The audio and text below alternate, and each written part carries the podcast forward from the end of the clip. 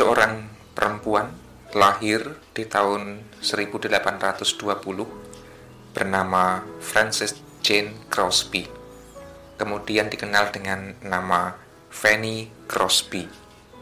Fanny Crosby lahir di Amerika dan sejak usia enam tahun ia mengalami kebutaan. Fanny Crosby kemudian tumbuh menjadi seorang perempuan yang sangat kreatif. Tercatat ia menggubah sekitar 8.000 lagu-lagu rohani, 1.000 lagu-lagu sekuler, dan menulis empat buku yang berisi puisi-puisinya. Nampaknya Fanny Crosby sangat berbakat dalam hal seni, dalam hal syair terutama, sehingga ada ribuan lagu yang ia ciptakan. Dalam sejarah, Fanny Crosby termasuk salah satu orang yang menulis banyak himne. Salah satu lagu himne yang dikarang oleh Fanny Crosby yang sangat terkenal adalah lagu Ku Berbahagia atau dalam bahasa Inggris judulnya adalah Blessed Assurance.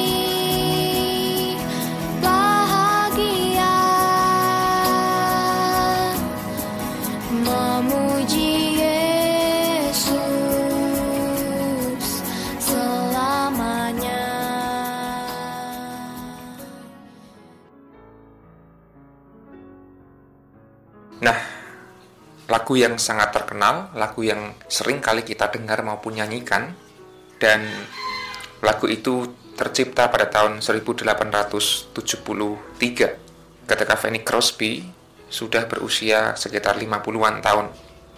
Pada suatu kali ia berkunjung ke rumah seorang teman, yaitu Nyonya Joseph Knapp.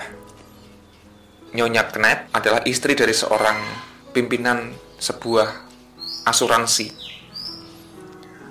Nah, Nyonya Knapp ini nampaknya juga seorang musisi dan dia adalah seorang pianis. Pada saat Fanny Crosby berkunjung ke rumah Nyonya Knapp, kemudian Nyonya Knapp memainkan pianonya, melantunkan irama-irama tertentu. Kemudian Nyonya Knapp bertanya kepada Fanny Crosby, Kira-kira apa yang terlintas di benakmu ketika mendengar musik yang kumainkan? Nada-nada tadi itu berkisah tentang apa? Begitu tanya Mr. Knapp. Kemudian Fanny Crosby merenung sejenak. Dia bersujud, dia berdoa, lalu dia bangkit dan mengatakan, nada-nada itu tadi adalah tentang blessed assurance.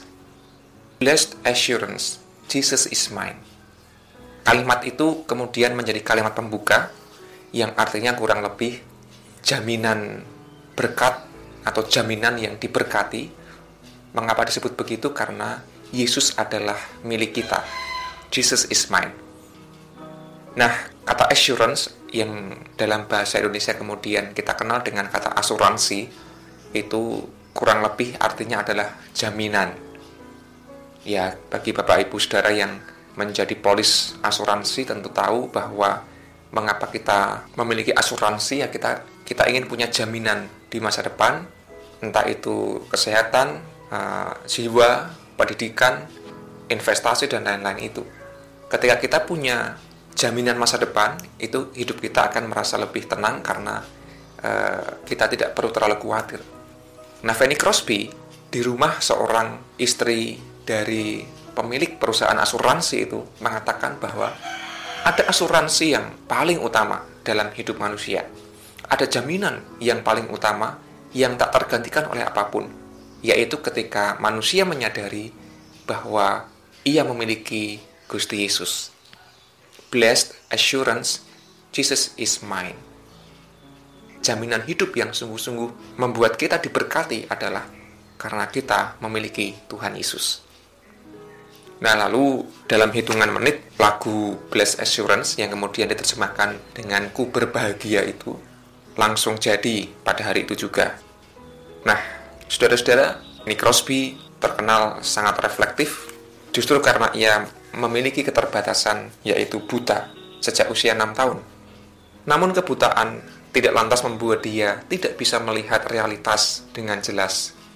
Justru karena ia buta, ia bisa merenungkan pengalaman hidupnya.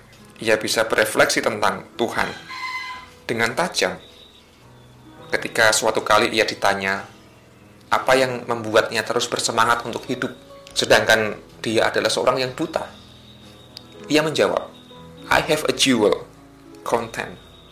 Aku punya sebuah mutiara, aku punya sebuah, katakanlah sesuatu yang sangat berharga, yaitu konten. Konten itu artinya kurang lebih rasa penuh atau rasa cukup.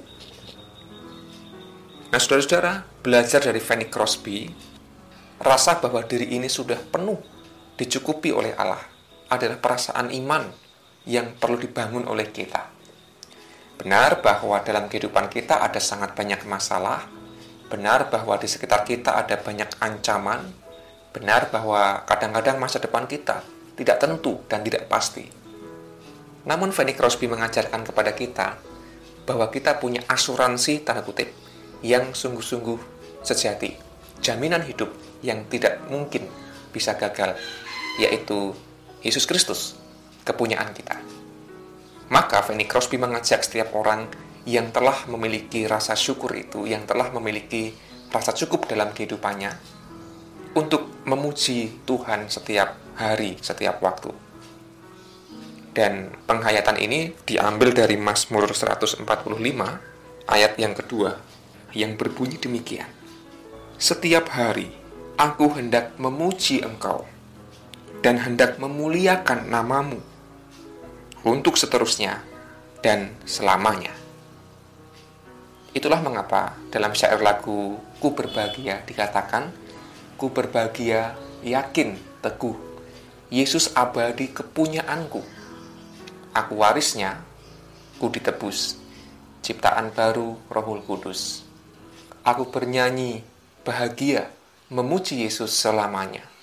Aku bernyanyi bahagia, memuji Yesus selamanya. Saudara-saudara, kehidupan kita barangkali mengalami saat-saat yang sulit. Kehidupan kita barangkali sedang bergumul karena berbagai macam kekurangan.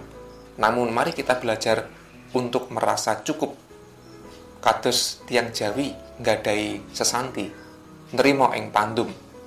Segala yang terjadi ini adalah bagian yang perlu kita terima dengan ikhlas. Dan ada berkat Tuhan yang sebenarnya melimpah kalau kita belajar merasa cukup, merasa diri ini penuh, berfokus pada apa yang menjadi berkat Tuhan akan membuat kehidupan kita senantiasa bersyukur setiap hari, memuji Yesus setiap saat. Mari kita nyanyikan Ku Berbahagia.